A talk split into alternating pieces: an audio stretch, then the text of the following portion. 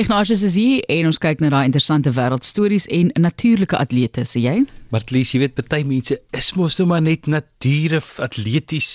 Jy weet daai ouens wat provinsiaal rugby speel, maar ook fietsry en atletiek doen op daardie vlak. As hulle golfstokke uithaal, weet jy dit gaan maar weer 'n suksesstorie wees. Nou, vroeër vanjaar het ek jou vertel van Joey Jaws Chestnut wat al 76 worsbroodjies in 10 minute geëet het. Die jaar was dit 62, maar steeds 'n wen vir hom. Miki Sudo met 39 en 'n half worsbroodjies het die dames afdeling gewen. Nou, dis 'n bietjie later verjaar en as jy kan eet, lyk dit my, kan jy eet. Maar Joey Jaws Chestnut is deesdae bestem vir silwer as dit by hoendervlekkies kom.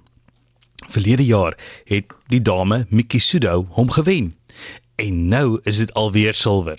'n Australiese atleet nie sommer net 'n atleet nie, Martlies, 'n eetatleet, atleet wat 5de op die wêreld eetatleet ranglys is, het wag vir dit 276 hoendervlekkies in 12 minute geëet en nogal skoon geëet. Joey het 240 vlekkies verslind en Miki Sudo moes tevrede wees met derde plek met 231 vlekkies.